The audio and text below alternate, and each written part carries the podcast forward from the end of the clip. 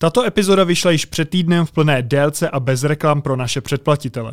Pokud chcete epizody poslouchat i se všemi bonusy, můžete si stejně jako oni zakoupit členství na Spotify nebo patreon.com lomeno u kulatého stolu, kde je najdete i s videem.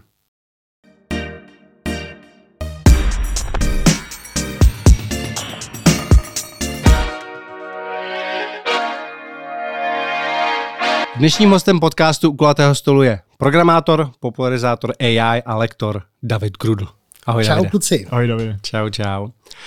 Ty jsi nedávno na svůj Facebook přidával video, ve kterém Joe Biden, prezident Spojených států, říká, že na naší planetu se blíží asteroid a že nás všechny zničí tím pádem konec lidstva. To, to video samozřejmě není pravý, je vytvořený... Není? Jak jsi to poznal? dobře, dobře, tak tomu se dostaneme. Eh, dle mého názoru to video není pravý, je vytvořený eh, počítačově. Jak je v dnešní době těžký vytvořit takovýhle video po té vizuální i po té zvukové stránce, že to vypadá takhle realisticky? Ale je to opravdu, opravdu hodně jednoduché. Uh, samozřejmě ono se to dá dělat na různých úrovních.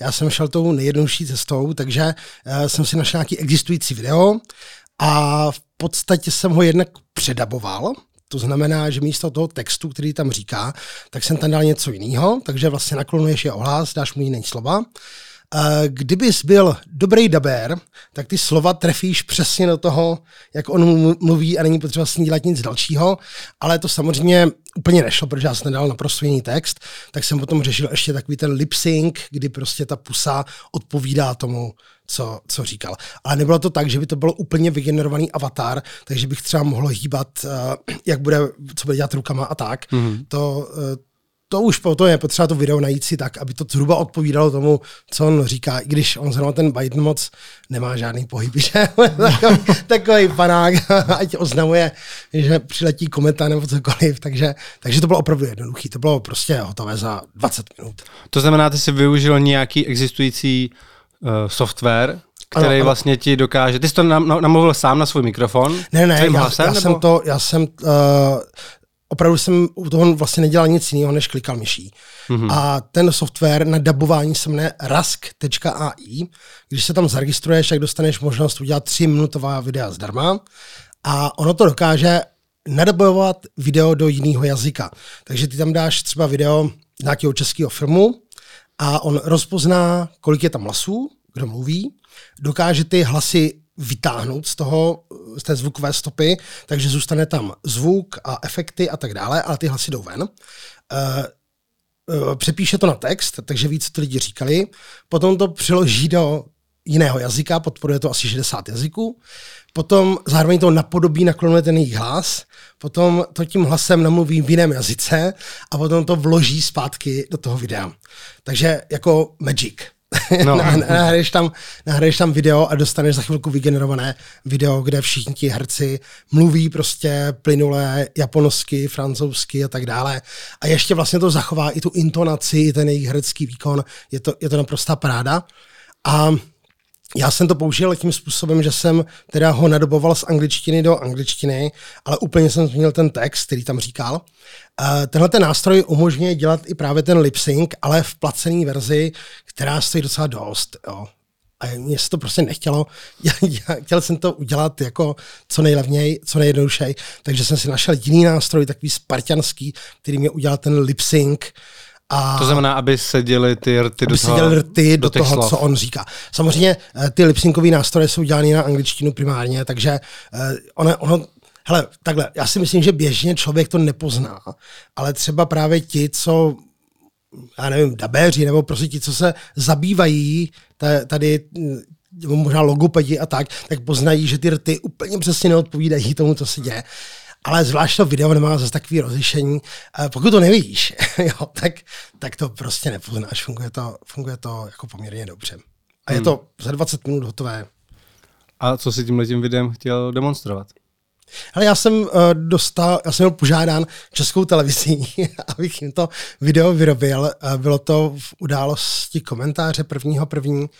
Uh, mně to přišlo takové jako zvláštní, že jsem si říkal, hele nevím, jestli je to úplně dobrý nápad dávat do na ČT24 video, jak Biden uh, slavážně ohlašuje, že dopadne kometa a že tady zničí život, což by the way, ten text jsem si nevymýšlel, já jsem si vzpomněl na film Drtivý dopad, tak jsem vygooglil scénář, vykopíroval to, nechal to zkrátit na půlku, aby to nebylo dlouhé a že ho prostě mu to rovnou jako do úst. Takže to bylo, to bylo na zakázku, dobře ne. Mm-hmm. Hmm.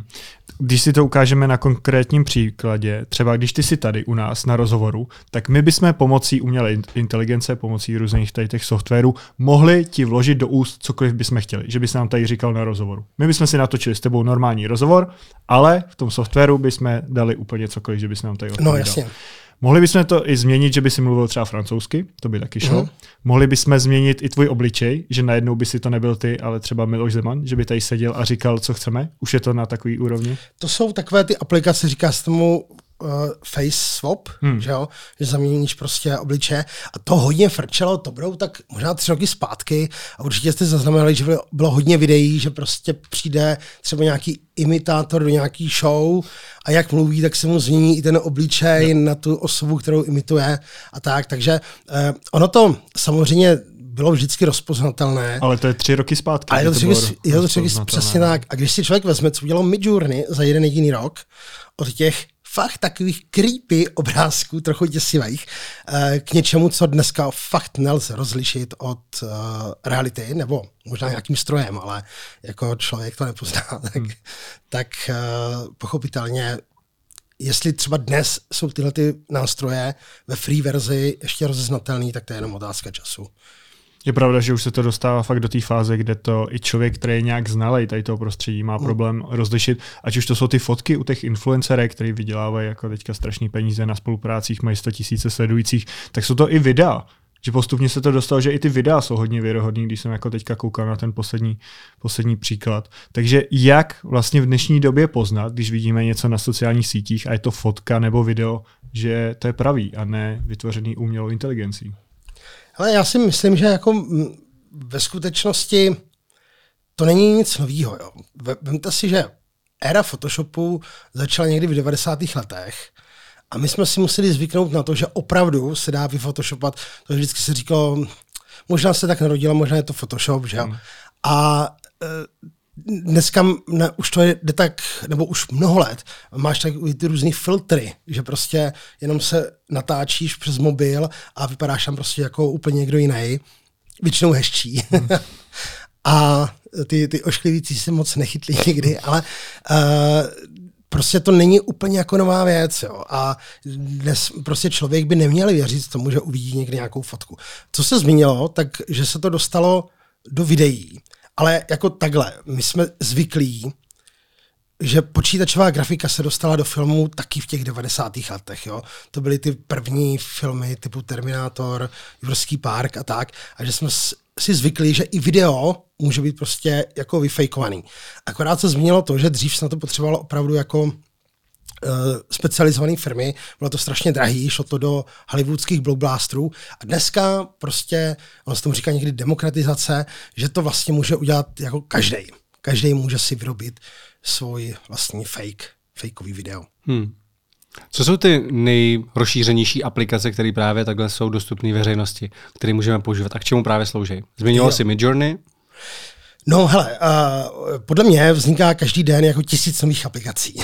A co bych jako každému doporučoval, neřešte to nesledovat, jo, prostě žádný FOMO nebo tak, protože eh, z toho by si musel člověk zbláznit, jo. Takže navíc třeba spousta těch aplikací dost často bývá na, na bázi, jo, spousta aplikací, co pracuje textem, řekl bych 99%, tak jsou prostě nějaké uh, slupky nad chat GPT, jo, že, že to je stejně na bázi stejného modelu. Takže Uh, těch aplikací bude, bude jako hrozně moc. Zároveň bude hodně moc i skemových aplikací, které se ti snaží dostat do mobilu a, a vlastně i všechny ty aplikace, co kdy vylepšovali fotky nebo tě ukazovali, jak budeš vypadat starší a mladší, tak byly vždycky free a bylo to za cenu, že se ti dostanou prostě do mobilu a můžou odesílat třeba nějaký informace a tak dále. Takže uh, já si myslím, že, nebo já, já se nesnažím úplně orientovat v tom, jaké všechny aplikace existují, ale známí jsou třeba aplikace, jmenuje se Heygen na generování avatarů, Což je dobrý, když si třeba děláš nějaký videa, nějaký výukový a chceš tam mít prostě tu postavičku, klidně i sebe, nebo, nebo někoho jiného, který to dokáže jako komentovat, který tam mluví a rovnou si to necháš vygenerovat potom v 20 jazycích, takže ta postavička dokáže mluvit v 20 jazycích. Takže to je celkem taková populární služba. Uh, potom jsou přímo jako textu video, že zadáš prostě textově nějaký, uh, co se má stát s videem. Dost často se to používá tak, že si vygeneruješ obrázek Midjourney a necháš ho potom nějakým způsobem rozpohybovat. Mm-hmm. To si myslím, že bude jako příští obrovská věc. Jo? Že zatím to umí takový ty takový ty trailerový záběry, takový ty zpomalený záběr na město, někde tam foukne vítr, tam projede auto a tak. Kouř. Kouř, přesně. A je to začátek něčeho, kde si říkám, tyjo, za dva roky to už prostě bude fakt jako generovat, eh, že napíšeš, někdo přišel do místnosti, sedl si, bavil se s někým a bude to takhle fungovat. Takže to, jsou, to jsou uh, aplikace, které se jmenují, myslím, Gen 2 a tak dále. Uh, a předpokládám, že všechny budou asi placený. Hele, právě, že právě, že jako mnohdy to tak úplně není. Jo. Buď, to, buď to tak, že tam máš třeba nějaký možnost prostě free to vyzkoušet. Dost často to tak bývá. Uh, bývají tam možnosti, třeba všechno to se týká modelu, který se jmenuje který dělá uh, startup, který se jmenuje stability.ai, takže tam patří právě jeden generátory obrázků, Stable Diffusion, ale zároveň jdou taky do videa, mají Stable video, tak uh, to jsou věci, které si vlastně můžeš stáhnout k sobě. A tam je ještě jako skvělejší, než to, že si to můžeš stáhnout, že to můžeš nějakým způsobem modifikovat. A díky tomu vznikly všechny takové ty ty věci, kterými se potom vždycky zaplaví jako sociální sítě, že máš obrázky, vypadá to jako nějaká vesnice nebo pohled do přírody, ale ty víš, že tam je prostě obličej, já nevím koho, jo, prostě, nebo, nebo je to, nebo je zá, zá, záměr nějaký tvár a to jsou přesně tady tyhle ty generátory, které se dají upravovat, že to můžeš dát nějaký pokyny navíc, že to má vygenerovat obrázek a zároveň dodržet, aby ty tmavé a světlé odstíny fungovaly tak, že, že ti tam vynikne právě něčí fotografie a tak dále. A jako není toho hodně, jo, ale je to prostě ten Stable Diffusion uh, DALI, který je dneska součástí přímo chat GPT a zdarma ho můžeš používat přes Bing, protože Bing je vlastně aplikace, řekl bych, taková výkladní skříň, Microsoftu a on věci, které máš v chat GPT placené, tak ti dává vlastně eh, v Bingu k dispozici zdarma. Hmm. Takže tam můžeš používat právě ten generátor obrázku Dalí, zároveň to umí rozpoznávat obrázky a potom, uh, potom No, a myslím si, že už jako z těch známých Midjourney, Stable Diffusion a Dalí, to jsou taková ta trojice asi. Hmm. Asi, asi nejznámější. Z mýho pohledu člověka, který vlastně to konzumuje jenom jako, mm, přesně jako přihlížející a jsem tam jako něco vyzkoušející, tak mně přijde, že vlastně jako nebylo nic, pak se objevilo OpenAI se svým chat mm-hmm. GPT a od té chvíle vzniká jako přesně, i sám si to říkal, jako stovky aplikací denně. Co je ten, proč vlastně najednou se to takhle jako rozšířilo. Je to tak, že oni přesně kopírují nebo mají možnost jako nahlídnout do toho kódu a vlastně to si od toho něco vezmou, a nebo je to, že se objevila nějaká nová technologie, kterou teď vlastně všichni používají? To je dobrá otázka, no. Um, hele, já to vemu možná ještě jako zpátky do minulosti. Uh, ten uh, vůbec ten pojem umělá inteligence vznikl minulém století, někdy na přelomu 40. 50. let, 50. leta. Což je jako opravdu dávno. Když, když se zamyslíte, když si vzpomenete, jaký byl tehdy svět, jo, tak, tak byl černobílý, že jo, to víme z tehdejších dokumentů. Uh, tehdy pochopitelně nebyly počítače, ale nebyly ani kalkulačky, protože nebyly ještě transistory.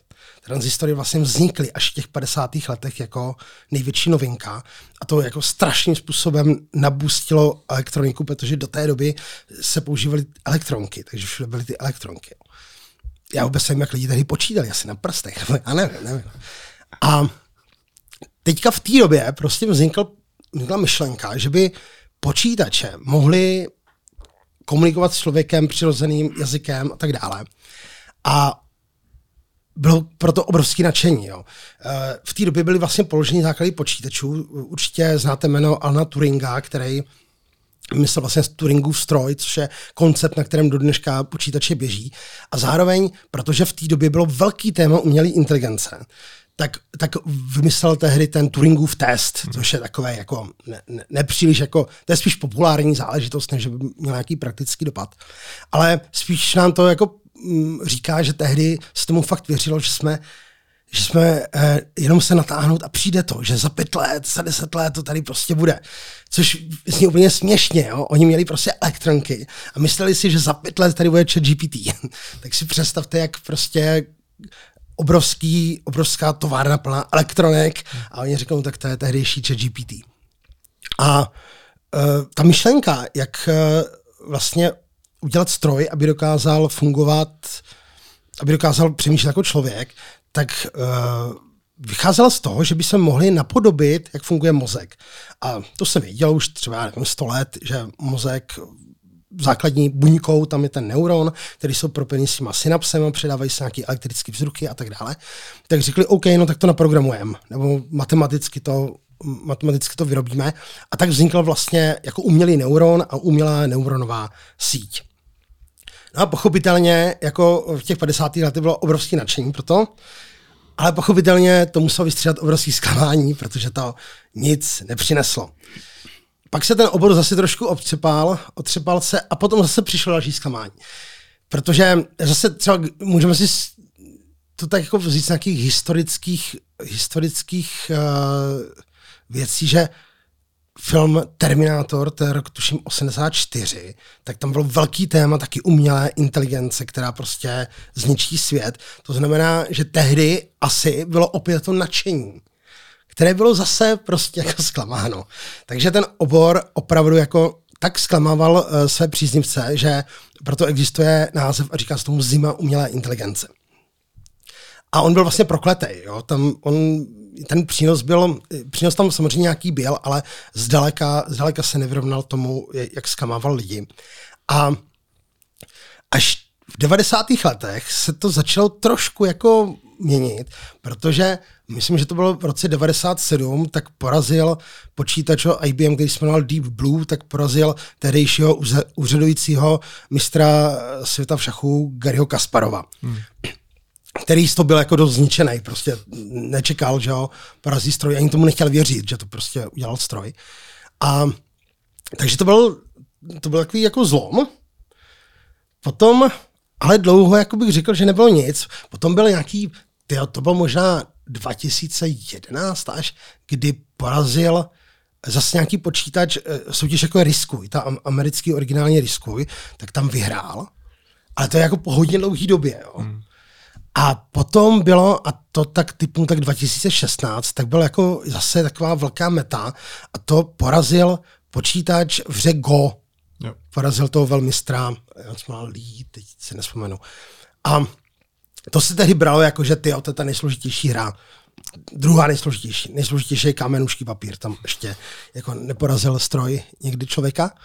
Ale to byly takový ty jako velký milníky. Potom uh, počítač se naučil hrát hry, takový ty Atari, Atari hry.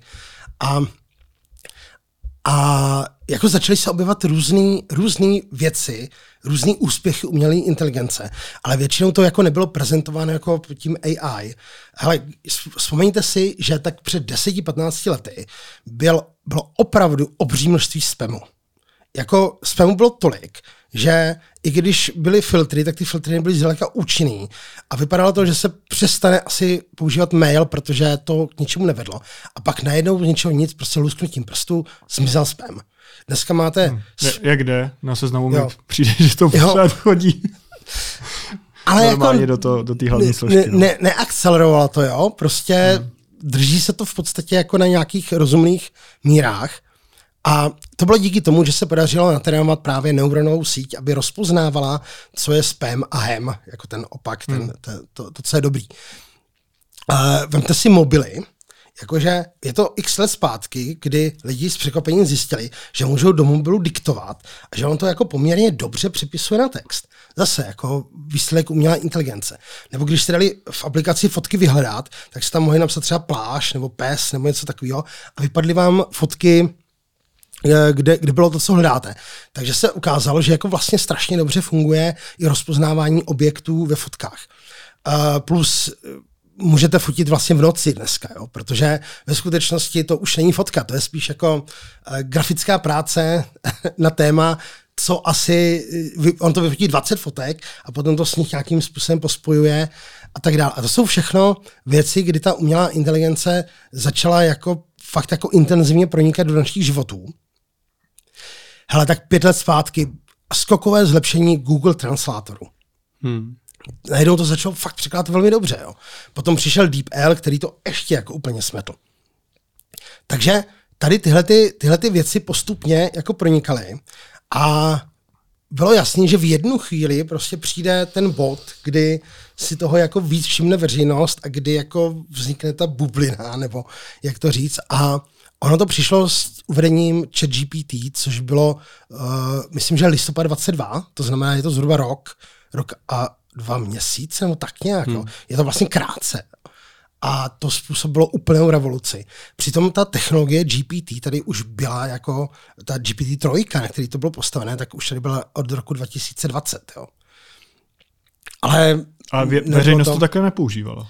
Veřejnost to nepoužívala. Ono, um, oni to podle mě jako vůbec nečekali v tom OpenAI, že se to tak chytne. Prostě stalo se to, byla, stal se to úplně největší hit. Uh, z původně jako firmy, která byla neziskovka, která měla jako konat dobro, přinést tu umělou inteligenci lidem, aby to prostě nepřinesla nějaká zlá korporace, tak vznikla teďka jako firma, která má úplně astronomickou valuaci a už dávno, dávno nedává ty modely, které natrénuje, tak k dispozici lidem, ale už je dává jenom prostě přes uh, placené apíčko nebo jejich rozhraní. Super je teda, že existuje ta verze, která je zdarma, jo? To, to, je, to je rozhodně jako skvělý, ale prostě jede na ten biznis. A když vlastně vznikl model GPT-4, tak tam už ani neuvedla informace o tom, jako základní informace o tom modelu. To už prostě o tom už nevíme jako vůbec nic. Chápu, že jsou určitý informace, které samozřejmě nechtějí dávat ven. A to je zejména na čem je to trénováno. Protože ono je něco dost jiného, když si prostě neziskovka spousta vědců, kteří prostě dělají bohulubý účel, že trénují na uh, knihách a tak dále, na různých textech na internetu trénují uh, síť, která bude pro dobro listva. A něco jiného je, když si prostě fakt jako obří kolos, firma, která uh, dostala teď nějakých 13 milionů, miliard, uh, kolik miliard, mili, miliard, kecám třec, milionů, no, já nevím. Já už 13 to, milionů není tolik ani v dolarech no, pro takovouhle no, firmu, takže bych možná tak asi jako miliard. Uh, on Microsoftu, který tam vlastně nějaký 49%, tam něco hmm. takového. Jo. A uh, v tu chvíli jako už by to mohlo někoho třeba zajímat, na čem to bylo trénováno. Takže pochopitelně oni jako v tomhle tom se úplně nevyjadřují a asi vědí, proč to dělají. Je možný, že eh, ten provoz, to trénování, ten provoz těch sítí je strašně drahý. Je možný, že se ukáže, že ještě dražší bude ten provoz těch právníků kolem toho, že spotřebují možná ještě víc jako energie, než, hmm. než, Eh, než videokarty nebo karty, na kterých se to trénuje. No. Hmm. no a na základě teda toho, že se objevil tenhle ten boom a ta popularita mezi veřejností, tak toho se pak chytly teda ty ostatní firmy, které začaly sypat přesně ty aplikace, které máme v mobilech, které vytvářejí z našeho videa otitulkovaný video, předebují a takhle.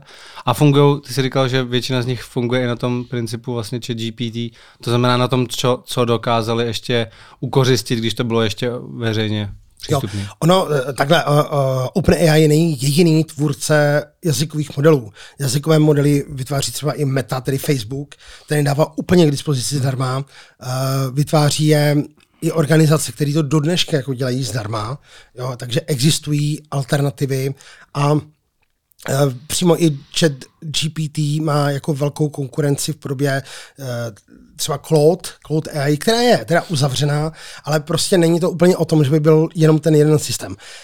Samozřejmě šlape do toho i Google, ale tam je to připadne takový jako No, no, je to divný, jo, prostě oni, eh, trošku bych řekl, že jim ujel vlak a že se to snaží dohnat a vždycky udělají nějakou strašně úžasnou prezentaci. Teďka eh, prezentovali vlastně nový systém a pak se ukázalo, že ta prezentace, oni to přiznali, že to bylo vlastně sestříhaný video, že to ve skutečnosti vůbec tak nefunguje, jak to bylo. Tak je, tak nevím, no. je to, je to Přitom oni těch dat mají jako asi nejvíc, jo? Ale u nich, v jejich, v jejich laboratořích tyhle ty věci vznikly.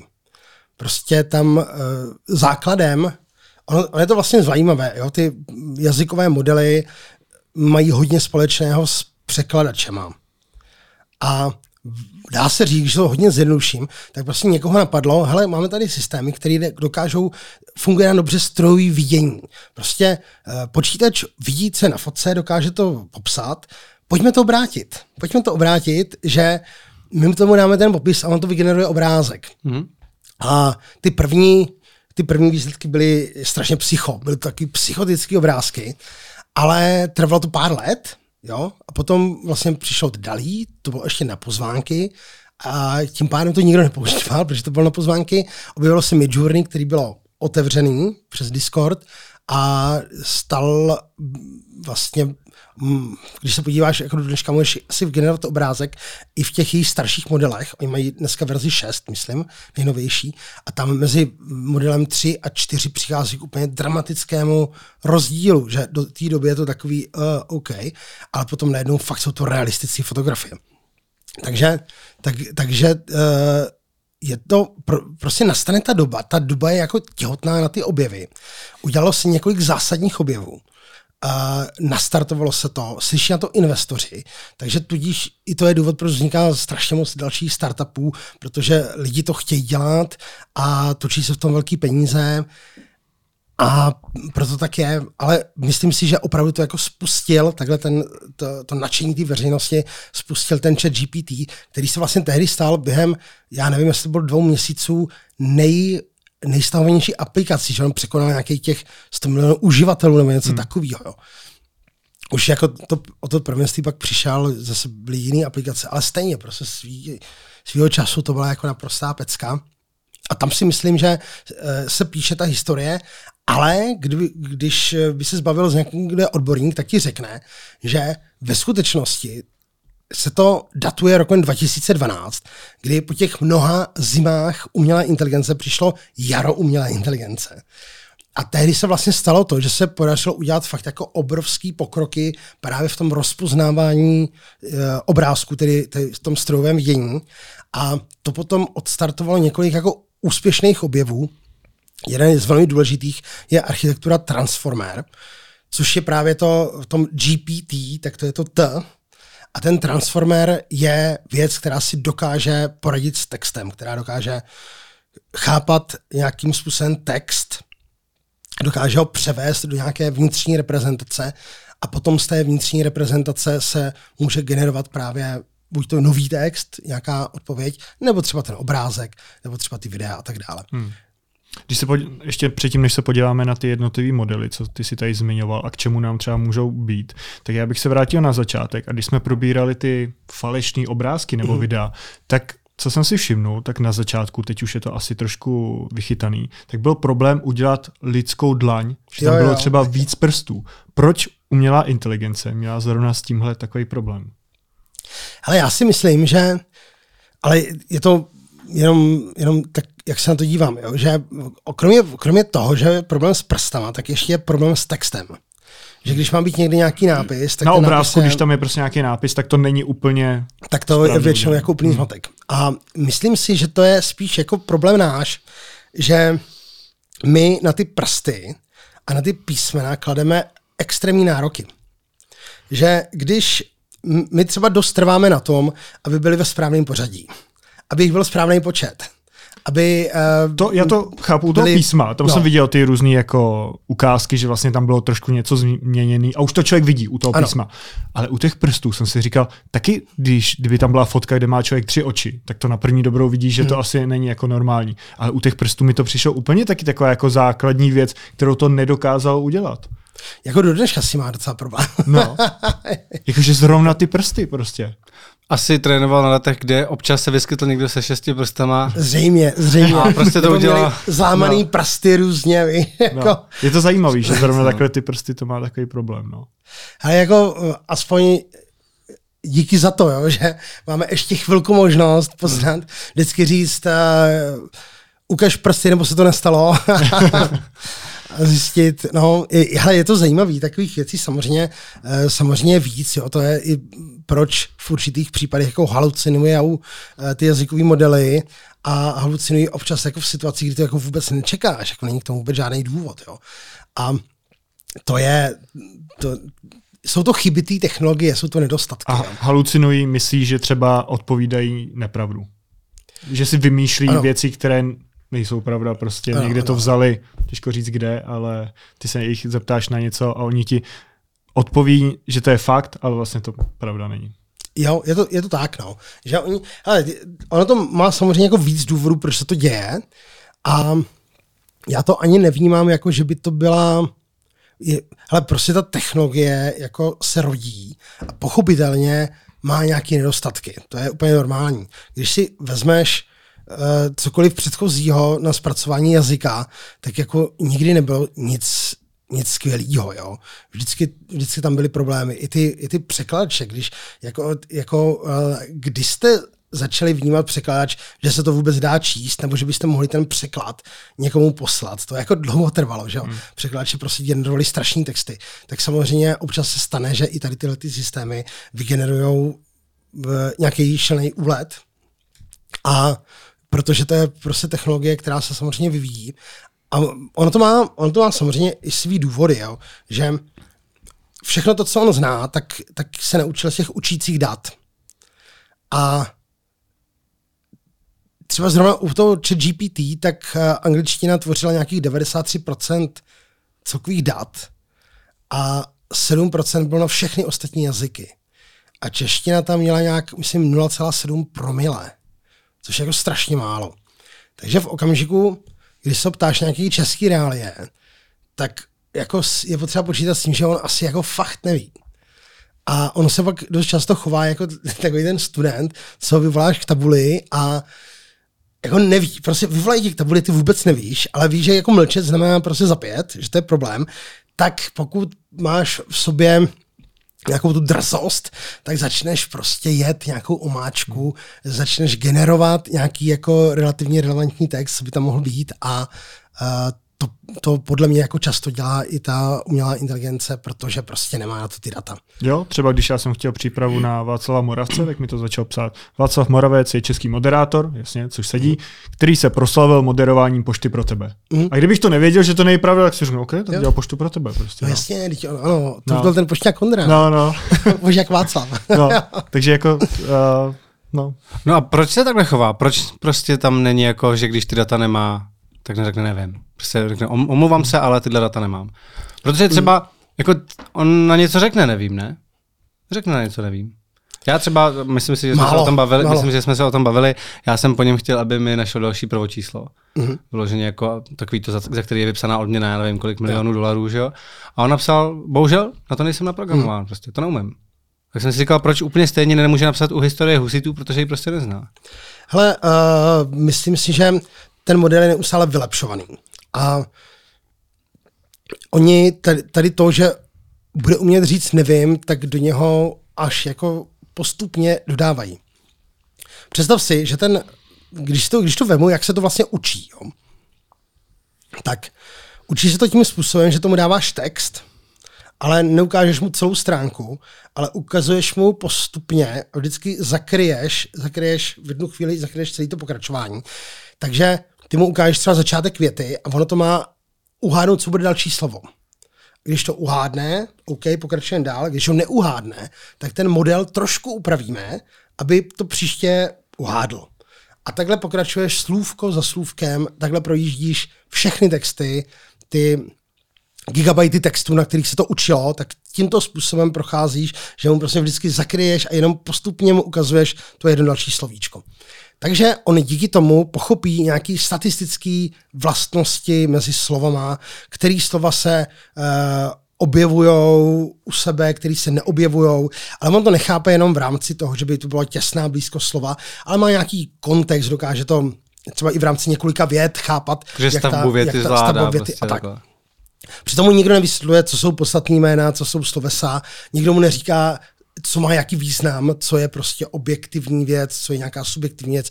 Pro něho to jsou jenom prostě slova, jenom, jenom čísla, jenom, jenom, jenom značky. Jako, jako my, když jsme se dívali na čínský slova a teďka bychom jako hodně dlouho koukali na různý čínský texty a všimli bychom si, nebo hele, třeba já mám rád indickou a já jsem si všiml, že vždycky, když v tom jídle je brambora, tak v názvu je alů. Tak jsem si říkal, aha, takže jako alu znamená brambora. A oni to potvrdili, že opravdu alu znamená brambora. Já říkám, proto je ve Vindalu brambora. Oni říkali, jo, proto je ve Vindalu brambora. Já jsem pak zjistil, že v Vindalu je původně portugalský pokrm, že to alu znamená něco úplně jiného, já nevím, časnek nebo něco takového. Ale oni prostě tomu slyšeli to alu, tak tam začali dávat tu bramboru. Takže ten důvod takový není. Ale začneš si prostě všímat tady nějakých jako vztahů a začneš jako rozumět nebo když budeš chodit hodně po lese a budeš slyšet, jak zpívají ptáci a budeš tam chodit jako sto let, tak si najednou všimneš, jo, vždycky, když se ozve tenhle, pak následuje tam ten, pak ten tam něco dá a tak. A najednou začneš jako chápat souvislosti, ačkoliv vůbec nevíš, co vlastně ty tóny představují. Takže takhle, takhle on si získává nějakou představu o světě. Ono se to někdy říká jako latentní představa světa. Zároveň tam vznikají schopnosti, někdy se říká emergentní. To jsou schopnosti, na které to jako nebylo primárně trénováno, ale objevily se. Což je vlastně i trošku věc, proč se ty sítě trénujou, protože ty vlastně chceš, aby se tam objevila nějaká nová schopnost. A to je, to je překládat jako do jiných jazyků. Jo. Protože on prostě pochopil, že ty souvislosti, které se naučil v češtině nebo v angličtině, tak platí i v nějakých jiných slovech, což asi je jiný jazyk a je to tam nějak podobný a, a jako hmm. vytuší prostě nějaký vztahy. A, ale všechno, co se naučí, tak je opravdu jako na základě těch textů. A učí se to i na základě toho, co my tam napíšeme? Třeba když mi to napíše jo. o tom Václavu Moravce a já mu napíšu, ne, to je špatně, on moderoval jo. otázky Václava Moravce, tak si to vezme z toho něco? Já si k tomu hnedka dostanu. Jo. A tenhle ten proces toho učení je extrémně náročný. Jako na výkon prostě počítačů, hmm. takže ono se to třeba provádí se to měsíc, jedou, pronajmeš si prostě nějakou obrovskou farmu, uh, zaplatíš 5 milionů dolarů a natrénuješ nějaký, nějakou starou verzi GPT. Jo. A výsledkem je vlastně natrénovaný model. Předtrénovaný. To je zase to P v tom, v tom eh, GPT je jako předtrénovaný hmm. v češtině. Že jo? A ten, ten model potom umí vlastně ty věci, které se naučil v těch textech, tak jak viděl ty texty. A když se podíváte na internet a na knížky a tak, tak většinou tam nejsou texty, většinou se tam neobjevuje to, že někdo položí nějakou otázku, jaký je největší prvočíslo a odpověď zatím je nevím. Nebo vůbec jako nevím, není moc častá věc věc v textech. Ono, ono se to učilo i jako z redditových diskuzí, eh, z internetových stránek a tak dále. Nevím, není úplně tak častý slovo. Takže tyhle ty věci, aby se to aby se to jako nechovalo fakt jako prostě nějaký zvíře, protože, hele, máte systém natrénovaný primárně na kvantitě, to znamená, trénuje se to trénuje se to opravdu na nějakých redditových diskuzích. To je jako kdybyste to natrénovali na diskuzi v novinkách, jo? protože vám jde o tu kvantitu. Tak ten model, který vám vznikne, tak to není zrovna jako sympatiák, který byste pozvali domů a představili rodičům. Jo? Takže proto přichází ještě uh, nějaký, říká, říká s tomu fine tuning, kdy to potom dotrénuješ do toho, aby dáváš tomu už kontrolovanou sadu dát, jo? kdy tam ukazuješ, takhle vypadají otázky, takhle si představu odpovědi a prostě dotrénováváš to. Součástí je taky to, že uh, jsou lidi, kteří to testují a vybírají, která z odpovědí je správná, takže mu on nabídne několik odpovědí a oni řeknou, hele, nejlepší je tady tahleta. A to, to, tenhle ten tuning potom z toho dělá ten přirozenější systém. A nakonec ještě přichází, když už ten máš obecný model, tak se to GPT dotunilo do toho, aby fungovalo jako, jako někdo, kdo stavuje diskuzi. Jo? Protože do té doby to byl systém, který dokázal pokračovat v textu. Takže ty jsi napsal třeba dvě otázky A víte, že většinou v knižce a na internetu, když jsou dvě otázky, tak bývá zatím třetí. Jo? Často to tak je. Takže kdybyste mu dali dvě otázky, tak on by doplnil třetí otázku. Prostě to byl generátor textu. Ale oni to upravili a dotrénovali ho na, na tom, že má vést diskuze. Ukázali mu obrovské množství diskuzí a oni ho naučili vést diskuze. Takže když něco napíšete, tak on nepokračuje v textu, ale odpovídá vám. Hmm. Plus to ještě dotrénovali, aby to byl jako uh, asistent, který se vám snaží vyhovět. Protože pokračovat do diskuzi, víš jak, ty bys mu řekl, hele, přilož mi tohle do nějakého jazyka a on by řekl, hele, mě se nechce. Což je jako legitimní vedení diskuze, ale tohle úplně nechcete, aby to tak fungovalo. Tak je dotrénovat ještě, aby byl jako asistent. Pak je teda ještě dotrénovaná tam politická korektnost, protože to americká firma, tyhle ty věci tam jsou jako důležitý, tak samozřejmě je tam spousta témat, které jsou pro něho zakázané, o kterých se on nebude bavit. A ve výsledku máš teda hotový model. A teďka ten hotový model, oni průběžně pořád upravují, pořád tam, pořád tam dotrénovávají něco, doplňují tam něco a tak dále. A je možný, že pro to dotrénování můžou teoreticky vzít i nějaký konverzace, který vy jste s ním vedli. Takže může se stát, že z nějakého důvodu vyhodnotí, že nějaká konverzace, kterou směl, tak se použije pro dotrénování toho modelu. Ale neděje se tak automaticky a, a nelze na tom vůbec ani stavět. A to si vyhodnotí sám. Hele, to dělá prostě nějak OpenAI. To jako do toho nikdo nevidíme. Jo. Hmm. Možný, že to nedělá, je, jako do toho nikdo nevidíme, na čem dotrénovávají. No.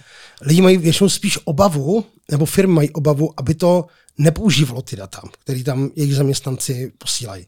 Takže ono se tam dá i vypnout, jo? že tam můžeš v nastavení dát, nechci, aby to bylo na mých datech trénováno. Teď jde o to, jestli se tomu dá věřit nebo ne, ale tak snad jo. A, ale to dotrénovávání je jako drahá operace, náročná a vlastně by bylo skvělý, kdyby ten systém mohl fungovat tak, že ty mu něco řekneš a on si tu věc bude pamatovat a bude získávat zkušenost. Ale to jako dneska nejde, protože to je strašně drahý. To je, to je strašně hmm. náročná záležitost. Z toho důvodu ty vlastně kdykoliv otevřeš nový vlákno, tak začínáš úplně od začátku. Jediné, co si tam můžeš nastavit, aby nebylo úplně od začátku, tak jsou takzvané custom instruction, kde můžeš dát nějakou instrukci, která se napíše jako, jako vlastně vždycky do toho promptu, aby se nemusel opakovat. Tak já tam třeba mám jako neomlouvej se furt. nebo, hmm. Protože mě to štve, jako, nebo, nebo jak, jak tě leze jako do zadku, jo, že chceš, potřebuju, aby mi nějaký text mě vylepšil, nebo tak. A on, no, váš text už je teďka jako docela dost dobrý. Já, hmm. Jako, já působím docela dlouho veřejný prostor. Já jsem zvyklý na urážky, ne? Aby mě někdo jako mazal med kolem, kolem pusy, takže jako nedělej to. prostě rovnou napíš, hele, co je tam blbě a tak, takže to mám jako přes tu custom instruction takhle upravené. Ale jinak uh, nedá se počítat s tím, že by se naučil něco z toho, co tam píšeš. Hmm. Já jsem si říkal, jestli to nefunguje třeba jako kapča, že jo, kde lidi normálně označovali nějaké obrázky, uh-huh označ, kde je autobus, tak si označil pět obrázků tady ze 20 a jasně někdo to označí špatně, ale tady ty výjimky eliminuješ. Tak jsem si říkal, jestli by to nefungovalo takhle u toho, že prostě ty mu 100 lidí mu napíše, že tahle ta odpověď je špatně a dva napíšou, že, jsou, že to je dobře, tak ty prostě eliminuješ a vlastně už jo. můžeš mít nějaký jako zpětný, zpětnou jako zpětný hodnocení. Ale uh, ty si říkal, že chat GPT, který je asi nejpoužívanější, je politicky korektní. Ty, když tam uh-huh. napíšeš, že chceš vtip na nějakou menšinu, tak ti to nenapíše. Uh-huh. Je nějaký model, který nemá tohleto v sobě daný, že není politicky korektní a napíše ti vlastně cokoliv, co chceš?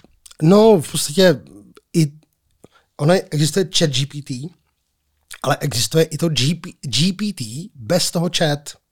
Ale to dokončuje jenom ty texty, ne? Ano, nevede to s tobou konverzaci, no. ale napíše ti to, co chceš. Takže já tomu třeba napíšu um, pět způsobů, jak um, zvražit manželku, aby na to nepřišli. Dvojtečka. A on jde. A, a, a to jde úplně v pohodě. A úplně v pohodě. Oni nám teda přidali ještě takovou jako jinou umělou inteligenci, která sleduje, co se děje a ta v jednu chvíli vyběhne a řekne moment. Ale on už to napsal, on už to napsal a on jenom řekne, to se mi nelíbí. To tady Na to by se neměl ptát. no to, to, to, ne, pojďte, pojďte řešit něco jiného tady, tady porušujete naše nějaké podmínky. ale, ale ten model to napíše úplně bez problému. Hmm. A jaký je rozdíl třeba, my se tady nejvíc bavíme od o chat GPT, což je taky jako nejznámější, nejvíc používaný, ale je i ta konkurence. Google má konkurenci, Bing má konkurenci, tak jaký je v tom rozdíl? Jo, No hele, eh, v případě toho Bingu, to je vlastně To je Microsoft, že jo? To je Microsoft a to je vlastně to stejný. To, to, ten stejný, já neříkám, že to je úplně identický model, téměř určitě jsou to jiné verze GPTčka, nebo chat GPTčka, která pohání Bing a která pohání OpenAI, protože se to dá poznat, jo, že to odpovídá trošku jinak, ale je to vlastně jednoduše řečeno totéž. Jo. Potom máš tady uh, ten Google Bart, který mě vždycky přišel uh, jakože strašně kecal. A hlavně on přišel jako pozdě, jo, že on, když, když se objevil, tak ještě, jak Evropská unie má tendenci všechno strašně regulovat a tak, tak se čím tím častěji stává, že nějaká služba se objeví a v Evropě přichází později, že v Evropě je to zakázáno nějakou dobu. Třeba to bylo i s těmi Freds, eh, s tou no. sociální sítí. Že? A takže ono to v Evropě jako nějakou dobu nebylo k dispozici, takže jsem tam chodil s VPN, abych se na to mohl podívat, ale je to, bylo to prostě otravný. Jo. A takže já jsem, víš, když je prostě nějaká už situace a ty chceš se službou prorazit, tak musí být fakt jako o dost lepší, než to, co je to ostatní. A to podle mě nikdy oni neměli. Takže já jsem ty služby vždycky vyzkoušel a řekl jsem si, OK, jsem rád, že tady je konkurence, protože konkurenci opravdu potřebujeme. Ale vrátil jsem se pokorně uh, k GPT, protože to mě přišlo nejlepší. Hmm. Pokud eh, jsem to správně pochopil, tak Bing vlastně jde teda na té bázi chat GPT s tím rozdílem, jo. že je připojený na internet. No, on, on to, uh, tam je asi potřeba říct, že chat GPT existuje ve dvou variantách, a to je placená a neplacená. Hmm. A když na začátku vznikla ta placená verze, tak se od té neplacené nijak nelišila. Oni tam slibovali, že tam bude lepší dostupnost, ale hm, to jsem nezaznamenal. Nicméně od té doby se fakt jako událo hodně moc. A dneska ta placená verze je něco úplně jiného než ta neplacená. Jednak máš tam k dispozici uh, třeba právě to generování obrázků, rozpoznávání obrázků. Rozpoznávání obrázků je mazec, protože ty, uh, já třeba mám jako aplikaci pro mobil a zrovna teďka jsem si díval na nějaký seriál a tam byla tam byl nějaký borec a vlevo měl japonskou vlajku vpravo byla nějaká jiná vlajka. A já si říkám, co to je za vlajku, tak to prostě té televize to vyfotíš a řekneš, co to je za vlajku. A to chat GPT ti odpoví, co to je za vlajku. Jo. Nebo mě říkal teďka kluk, že byl, byl eh, v baru a chtěl si dát piňakoládu a oni tam prostě nemíchali piňakoládu. No tak uh, udělal fotku nápojového lístku a řekl, který drink je jako nejpodobnější piňakoládě. A on řekl, dej si tady tohle, liší se to jenom v jedné ingredienci.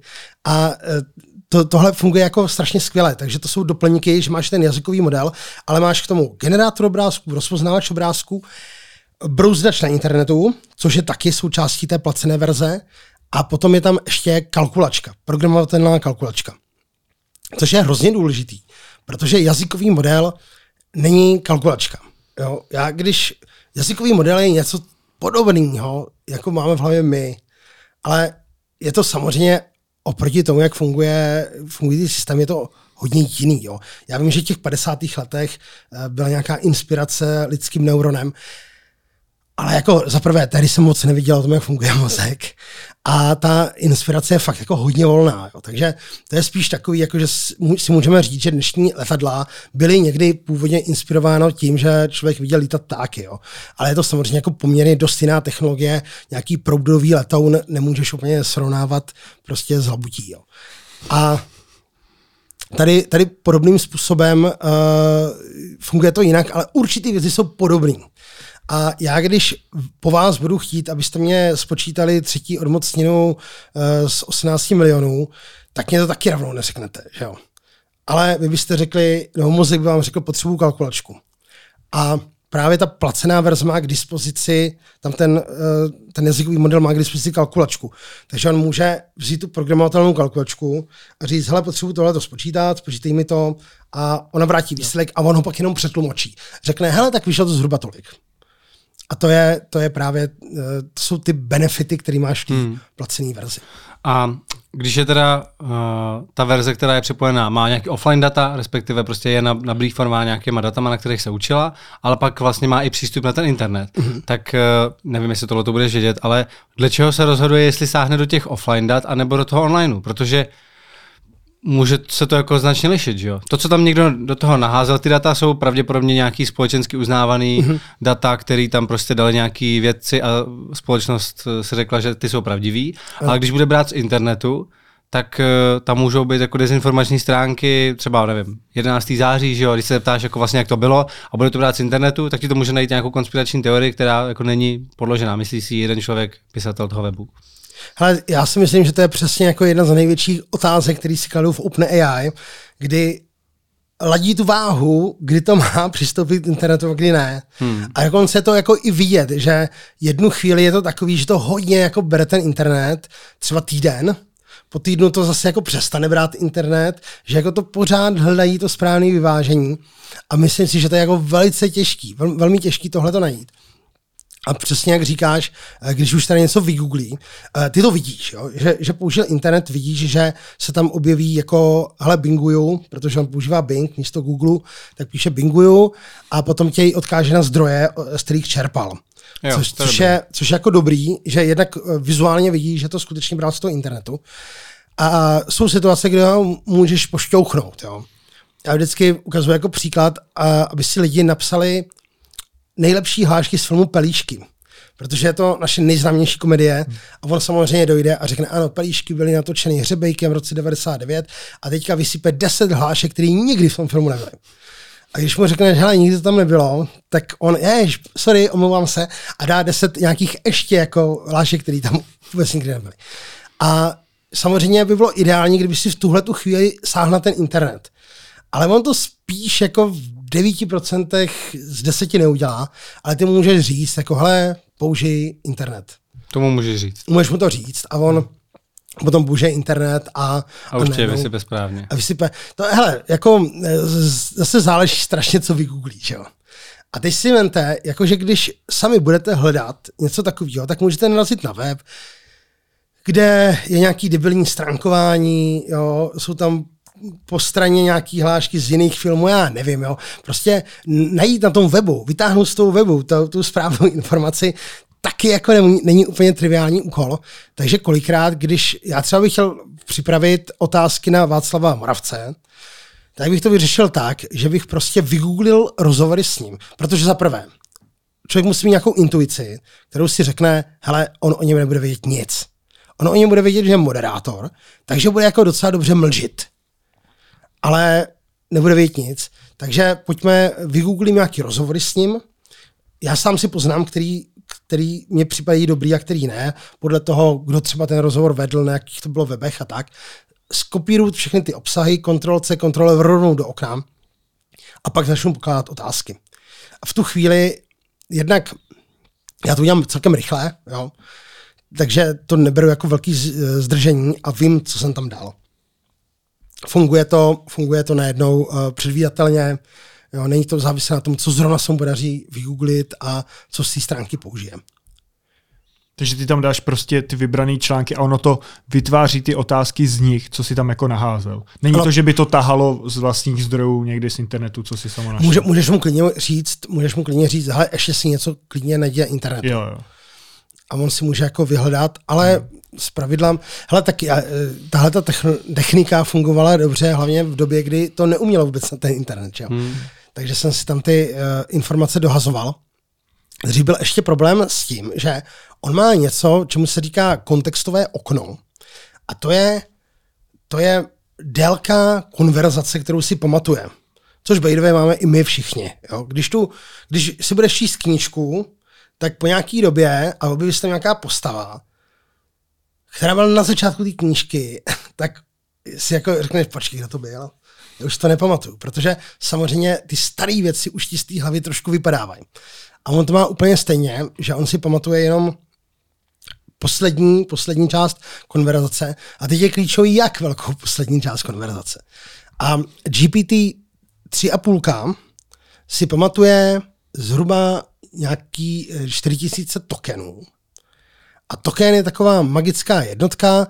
Eh, token je zhruba jedno slovo v angličtině, ale v češtině je to spíš jako třetina slova nebo půl slova. Takže on si pamatuje, přepočtu bych to řekl, že si pamatuje třeba tisíc slov. Takže ty, když dal GPT, té neplacené verzi, podepsat petici 2000 slov, tak on už v druhé půlce neví, čím to začínalo, ta petice, a nevíc podepisuje. Hmm. Uh, GPT-4 měla dvojnásobnou paměť, 2000 slov, ale to je furt jako hodně málo. A oni před asi dvěma měsíci přišli GPT-4 Turbo a ta má 16krát větší paměť než ten předchůdce. A to už je jako dobrý. Takže třeba jak, zase jako důvod, proč mít placenou verzi, není to jenom o tom 3.5 versus 4, ale taky jako 30krát eh, větší paměť, kterou, takže tam můžeš prostě na copy-pastovat ty, ty rozhovory, hmm. což by do té 3.5 jako nemohl. Kolik stojí ta placená verze? Hele, ta placená verze stojí, myslím, 20 dolarů měsíčně plus DPH, takže to vychází na jako, nějakou pětistovku. Používáš to už víc než třeba klasický vyhledávání na Google? Tyjo, já asi hodně rozlišuju mezi vyhledáváním a používáním jazykových modelů. Že když chci něco hledat, tak jdu jako hledat na internet, nebo respektive má to smysl ve chvíli, kdy chceš uh, právě třeba s tou informací pracovat dál, jo. Hmm. Ale že bych, že bych tomu dal takhle úkol, Uh, ne, já chápu ten rozdíl, co, jenom spíš, co používáš jako častěji ve své běžné práci, ve svém běžném životě. Ty jo, to si vůbec netroufám odhadnout. Hmm. Hele, občas děláš věc, o který vůbec nevíš, že ji děláš. Jo. Já jsem si koupil, jo, ano, já jsem měl, já jsem si koupil noťaz a ten noťaz měl takovou tu zvrhlou strašnou věc, za kterou by měl být trest smrti, že ušetřili na šipkách a že šipka nahoru a dolů jo. zabírá stejný prostor jako šipky doleva a doprava. Jo. A teďka uh, já prostě jsem stejně ten prst je naučený, že jako mačká nahoru a tam nad tím byl shift. A mám editor a v tom editoru, když se zmáčkne dvakrát shift, tak vyskočí vyhledávání. A já prostě jsem úplně zvyklý, že prostě chci šipečkou jít nahoru, že mačkám šipečku, takže nejdřív zmáčknu šipečku a vyskočilo to vyhledávání. A teď ti to nedochází, říkáš, proč tam furt vyskakuje to vyhledávání. A najednou si uvědomíš, třeba jak strašně často nějaký věci používáš, aniž bys to tušil, jo? tak já jsem musel ten notebook fakt vrátit, prostě s tím jsem nemohl existovat. Takže uh, určitě existují nějaký nástroj, který měří čas strávený v jednotlivých aplikacích, ale já, já už to mám jako tak podvědomě, že, že fakt si to jako netroufnu odhadnout. Hele, u toho chat GPT vím, že tam je, uh, u té čtverky je omezení, myslím, 50 práv můžeš napsat po dobu tří hodin. 50 zpráv. 50 zpráv. Je hmm. tam jako limit. Tuším, že to je takhle. A mně se jako občas stane takhle třeba, že kolem půlnoci překročím ten limit. Prostě dlo, něco jsme společně řešili, jsem na to skvěle. On mě připisoval nějaký texty, vytvářel nějakou dokumentaci. Já jsem ho vždycky chválil, jako jsem mu napsal, hej, děláš to skvěle. Čím jsem si vyčerpal jednu zprávu. A teď jako kolem půlnoci, jako hele, limit, budeme pracovat až za další dvě hodiny. A já si říkám, ty co teď? Jako, no tak jsem šel do hospody, že jako prostě najednou ztratí tvůj život smysl, prostě, že GPT se s tomu nebaví. Takže eh, a to jsou situace, kdy prostě opravdu jako několik hodin pracuji čistě s tím chat GPT. Ale pak, když třeba dělám nějaký mm, rešerše nebo tak, tak asi jsem hodně u Google. Hmm. Netroufám si to takhle porovnat. A k čemu konkrétně ty teda tyhle ty jazykové modely pomáhají? V čem konkrétně je používáš ke své práci? A nebo to je jenom zábava? Ne, zábava rozhodně ne. Nebo ta, ta, jako... Jak kdy? Uh, já to fakt používám používám to k práci, ale musím říct, že moje práce celý život je moje zábava. tak, takže eh, v tomhle směru to zábava je. No, hele, eh, těch příkladů použití je opravdu jako dost, jako hodně různorodých, ale já to řeknu trochu jinak. Jo. Já sleduju na Facebooku různé takové diskuzní skupiny lidí kolem chat GPT a tak dále. A tam se neustále opakujou zklamaní, naštvaní lidi, kteří jako tvrdí, jak tomu můžete říkat inteligence, když já jsem se ho zeptal, já nevím, na hlášku s filmu Pelíšky, nebo eh, kdo byl, eh, kdo byl nevím, rychlé šípy nebo, nebo nějakou věc on to vůbec nic nevědělo a tak. Nebo otázky pro Václava Moravce mě to připravilo úplně, úplně jako neosobní, úplně blbé a tak dále. A je to samozřejmě proto, že my jsme dostali nástroj, lidstvo dostal nástroj bez návodu. A nikdo jako neví, jak se to používá. Někteří lidi už na to přišli, protože se s tím hodně dlouho hráli, Jo, na začátku se spálili, pak na to přišli. A někteří lidi právě prožívají to zklamání, jo, že, že zjišťují, že to vůbec nefunguje dobře. Takže uh, já jsem vlastně i proto to začal školit, protože mě to bylo líto, když jsem si četl jako spoustu nesmyslů o tom a, a zklamaných lidí a tak dále. A říkal jsem, ty teď to je, to je prostě jako tak strašně skvělý nástroj. Jenom je potřeba pochopit podle mě celkem jednoduchý nějaký základní pravidla, jak to, jak to používat. A když třeba řeknu konkrétně jako nějaký moje use casey, tak jednak je hrozně dobrý, ale to je těžký, si trošku nastavit mindset, abys byl otevřený to používat na věci, které tě vůbec nenapadly, že bys to dalo použít. Já dám příklad. Jo. Teďka jsem dával asi před týdnem, před dvěma týdny jsem mu dával úkol, napiš mi makro ve Visual Basicu ve Wordu, které všechny obrázky proporcionálně e, zmenší na 3 cm.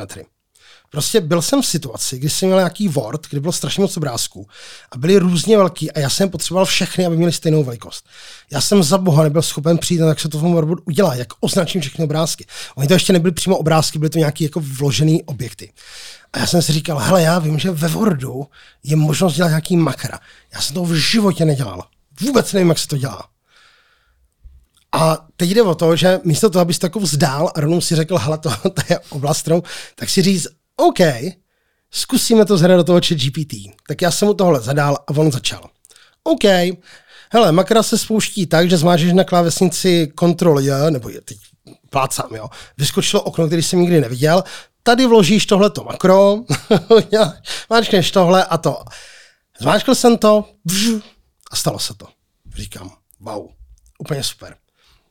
Nebo mě jedna věc, jako programátora mě jedna věc strašně štvala prolížeči, kterou jsem musel vždycky dělat. Tak když vyvíjíš weby, tak eh, je vyvíjíš lokálně. Máš je u sebe na počítači tu pracovní verzi. No a pak jsou samozřejmě na ostro, jsou někde na internetu. A občas se potřebuješ mezi nimi přepnout, jo? že ty jsi na tom ostrým webu a řekneš si, tohle funguje nějak divně, potřebuji se podívat k sobě lokálně a teď musíš přepisovat tu URL a já jsem si říkal, kdyby v tom prohlížeči, je to, dělám to 10 let, je to otravná činnost, kdyby tam byl nějaký plugin, že bych na to klikl a ono by se to přepsalo. A teďka, OK, pluginy se nějak dají programovat. Vůbec netuším jak. Nikdy jsem žádný plugin neprogramoval. Chat GPT. Máme úkol. Pojďme naprogramovat plugin. On ten plugin naprogramoval, dokonce mi k tomu vygeneroval tu ikonku jo, a mám od té doby plugin. Takže dá se to používat na řešení věcí, které by tě vůbec nenapadly, že se dají řešit, nebo by si řekl, to je úplně mimo, mimo můj obzor. Jo. Potom uh, věc, další věci, které jako používám hodně často, tak je, že píšu nějaký text a potřebuju ten Představ si, jako programuješ, máš fakt jako flow, nebo děláš nějakou práci a potom už se mi se stává trošku asociál. Prostě, jako když dlouho programu, tak, tak jsem člověk, který jako není úplně schopný lidsky přirozeně komunikovat a potřebuješ někomu napsat mail a já mám tu tendenci, jako já bych to nejradši napsal jako tomu stroji, prostě běž tam, udělej to a to. Ale takhle nemůžeš napsat mail, jo. A takže využiješ to chat GPT, prosím tě. Napiš mail, kde jako aby ten člověk udělal tyhle ty věci. A on to udělá. Dobrý den, strašně rád bych vás poprosil, kdybyste mohli a udělat tu omáčku já si kolikrát říkám, že na druhé straně je jiný programátor, který to zase veme do toho chat GPT a řekne, co chtěl, ať mu to rekorduje. A když píšu kamkoliv texty, tak si to nechávám uh, buď to teda jako stylisticky opravovat, protože stylistika je těžká. Jo? Ty, když chceš napsat dobře text, tak bys tam neměli opakovat stejné slova, měl bys tam používat občas nějaký synonyma, neměl by tam být zbytečně šroubované věty a tak dále. Hmm. To je těžký. Takže ty, ty píšeš, ty máš jedna tu myšlenku, o čem chceš psát a ještě musíš myslet na úplně dalších úkolech. No tak druhá možnost je to napsat jako prase a potom tu stylistiku prostě nechat udělat jako ten systém, že jo. Tam bohužel jako je, je trošku vidět, že tím, že to bylo trénováno na češtině, fakt jako minoritně, tak on skvěle píše anglicky, ale výrazně hůř česky. Ale i tak uh, dá se to jako tímhle tím způsobem použít. Používám to na překlady. Jo. Jsou, tím, že on píše skvěle anglicky, tak já prostě s tím jsem schopen angli- uh, dokumentaci, kterou já píšu v češtině, tak překládat do angličtiny. Věc, na kterou je to úplně k nezaplacení, je, když se chci naučit něco nového. A já mu řeknu, hele, vysvětli mi, vysvětli mi kvantové propojení tak, aby to pochopilo desetileté dítě. Oni to vysvětlí, použije tam nějaký slova, kterým nerozumíš, tak se doptáváš. Furt se doptáváš, jo. Jakýkoliv téma můžeš s ním prostě rozbírat hrozně dlouho. Do té doby, než, než zapomene na to, co jste začali na začátku rozebírat. Je to tak, je to tak. Já se, ale to jsou věci, které jsem vždycky jako řešíval různýma trikama, hmm. jo. Že jsem třeba vracel zpátky, editoval jsem starší příspěvky a tak. A a taky do té doby, než ti úplně 50 zpráv, že jo, za tři Ale pokud pojmenujeme tady ten limit, tak je to vlastně nekonečně trpělivý hmm. Eh, člověk, který něco vysvětluje. A my vlastně na to ani nejsme zvyklí, protože my kolikrát bychom chtěli něco vysvětlit, ale připadne nám blbý se po páté zeptat. Že, jo, jo. Takže už jako polknem tu otázku a tady si můžeš ptát furt, můžeš to nechat vysvětlovat. Co třeba, sorry, že ti do toho skáču, ale já bych na to určitě zapomněl, co třeba kontrola smluv? Jako přijde ti návrh smlouvy, zkontrolujte si to advokátem, že by si mohl ušetřit, že bys to dal zkontrolovat že GPT, jestli tam není nějaký háček, který by z tebe dělal slabší stranu. Ale tady by si přesně řekl, co chat GPT ví o našem právním systému České republice. Tak třeba v angličtině. Tak, tak, tak to řeknu v angličtině třeba. V angličtině, v angličtině si myslím, že to mohlo být mnohem lepší. Hele, jako rozhodně činnost, kterou vím, že to zvládne skvěle, tak je překlad. A ty můžeš překládat mezi právní češtinou a lidskou češtinou. A to zvládne úplně super hmm. tam i obráceně, to funguje dobře, ale na, na řízení firmy nebo nějaký rozhodovací procesy nebo uh, kontrolu smluv a tak dále, bych si určitě jako najal právníka. To, to bych uh, nenechával tenhle ten systém. Ale rozhodně to může být jako zajímavý, že když třeba někde odklepáváš nějakou tu eulu, tak si to prostě skopírovat, hodit to tam a říct, je tam něco nestandardního? No, protože to by se nechce číst ten strašně dlouhý jo. text. Ale on dokáže, on určitě takový textu přišlo hodně a dokáže aspoň jako ukázat, hele, zrovna 18. bod, třetí ten, je, že souhlasíš, že budeš uh, právo první noci mít někde hmm. a tak. Uh, no, moc to neodklepávej nebo něco takového. Takže to si myslím, že jako hledání nějaký nestandardní hmm. věci nebo vůbec jako zpracování nestrukturovaných dát, svět je plný nestrukturovaných dát. Jo. Tomu dáš nestrukturovaný data a řekneš, hele, vypíš mi z toho všechny důležité pointy, nebo všechny jména všech lidí, nebo jména všech firm v tom textu, nebo uh, vypíš všechny situace, kdy uh, hovoří tento, tento konkrétní člověk, což může být super na zpracování právě rozhovoru, jo, že uděláš rozhovor, necháš si to umělou inteligencí převést na text, což dneska funguje i v té češtině poměrně dobře. Druhou věc, necháš, hele, eh, mluvený slovo, když se přepíše do slova, tak to vypadá, že jste se bavili s úplným hottentotem. Prostě to je strašný. A tam se dá říct, přepíš mi ten doslovný záznam mluveného slova do normálních vět, on zase udělá tohleto, potom zkrať mi to, udělej z toho nějaký výtah nejdůležitějších myšlenek, aby, abyste použil nějaký pouták a tak dále. Uh, udělej bulvární titulek, lákavý, clickbaitový hmm. a tak. Na tyhle ty věci se to dá používat strašně dobře, protože vlastně jako po něm nestavíš na tom, že on by musel mít nějaký explicitní znalosti, ty mu vlastně předáváš ten text, kterým se pracuje a pak je to jako poměrně, poměrně bezpečný, poměrně dobrý. Jak je to s autorskými právy? Kdybych já tam nahrál sedm dílů Harryho Pottera a řekl, udělej nějakou takovouhle knížku, kde budou jiný jména, mm-hmm. ale bude to podobný příběh. Byl by to pak strašný hit, můžu na tom vydělat prachy? Nebo to, co vytvoří umělá inteligence, ne, se nedá vlastně takhle nějak speněžit? Ať už to je nějaký text nebo ty obrázky třeba.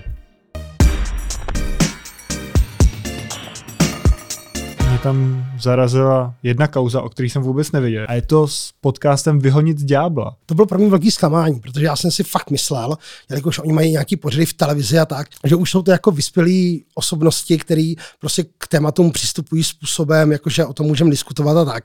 Ale dokonce eh, chat GPT 3, tak oni se rozhodli ho prvně nezveřejnit z etických důvodů, protože by to mohlo generovat ve velkém fake news kde se stala ta změna, kde lidstvo začalo přemýšlet, nevadí nám to vlastně z etických důvodů, klidně pojďme dělat deepfakey a všechno možný. Myslíš si, že umělá inteligence se dostane za pár let tam, kde je třeba internet teďka, že to budou používat fakt de facto všichni? Jo, určitě. To je že v budoucnosti. Přesně. To je skvělý. Už jsme tady zmínili, že Evropská unie není úplně nakloněná umělé inteligenci a v Itálii dokonce prý zakázali chat GPT. Na nějakou dobu, jo. No. Jaký byl důvod?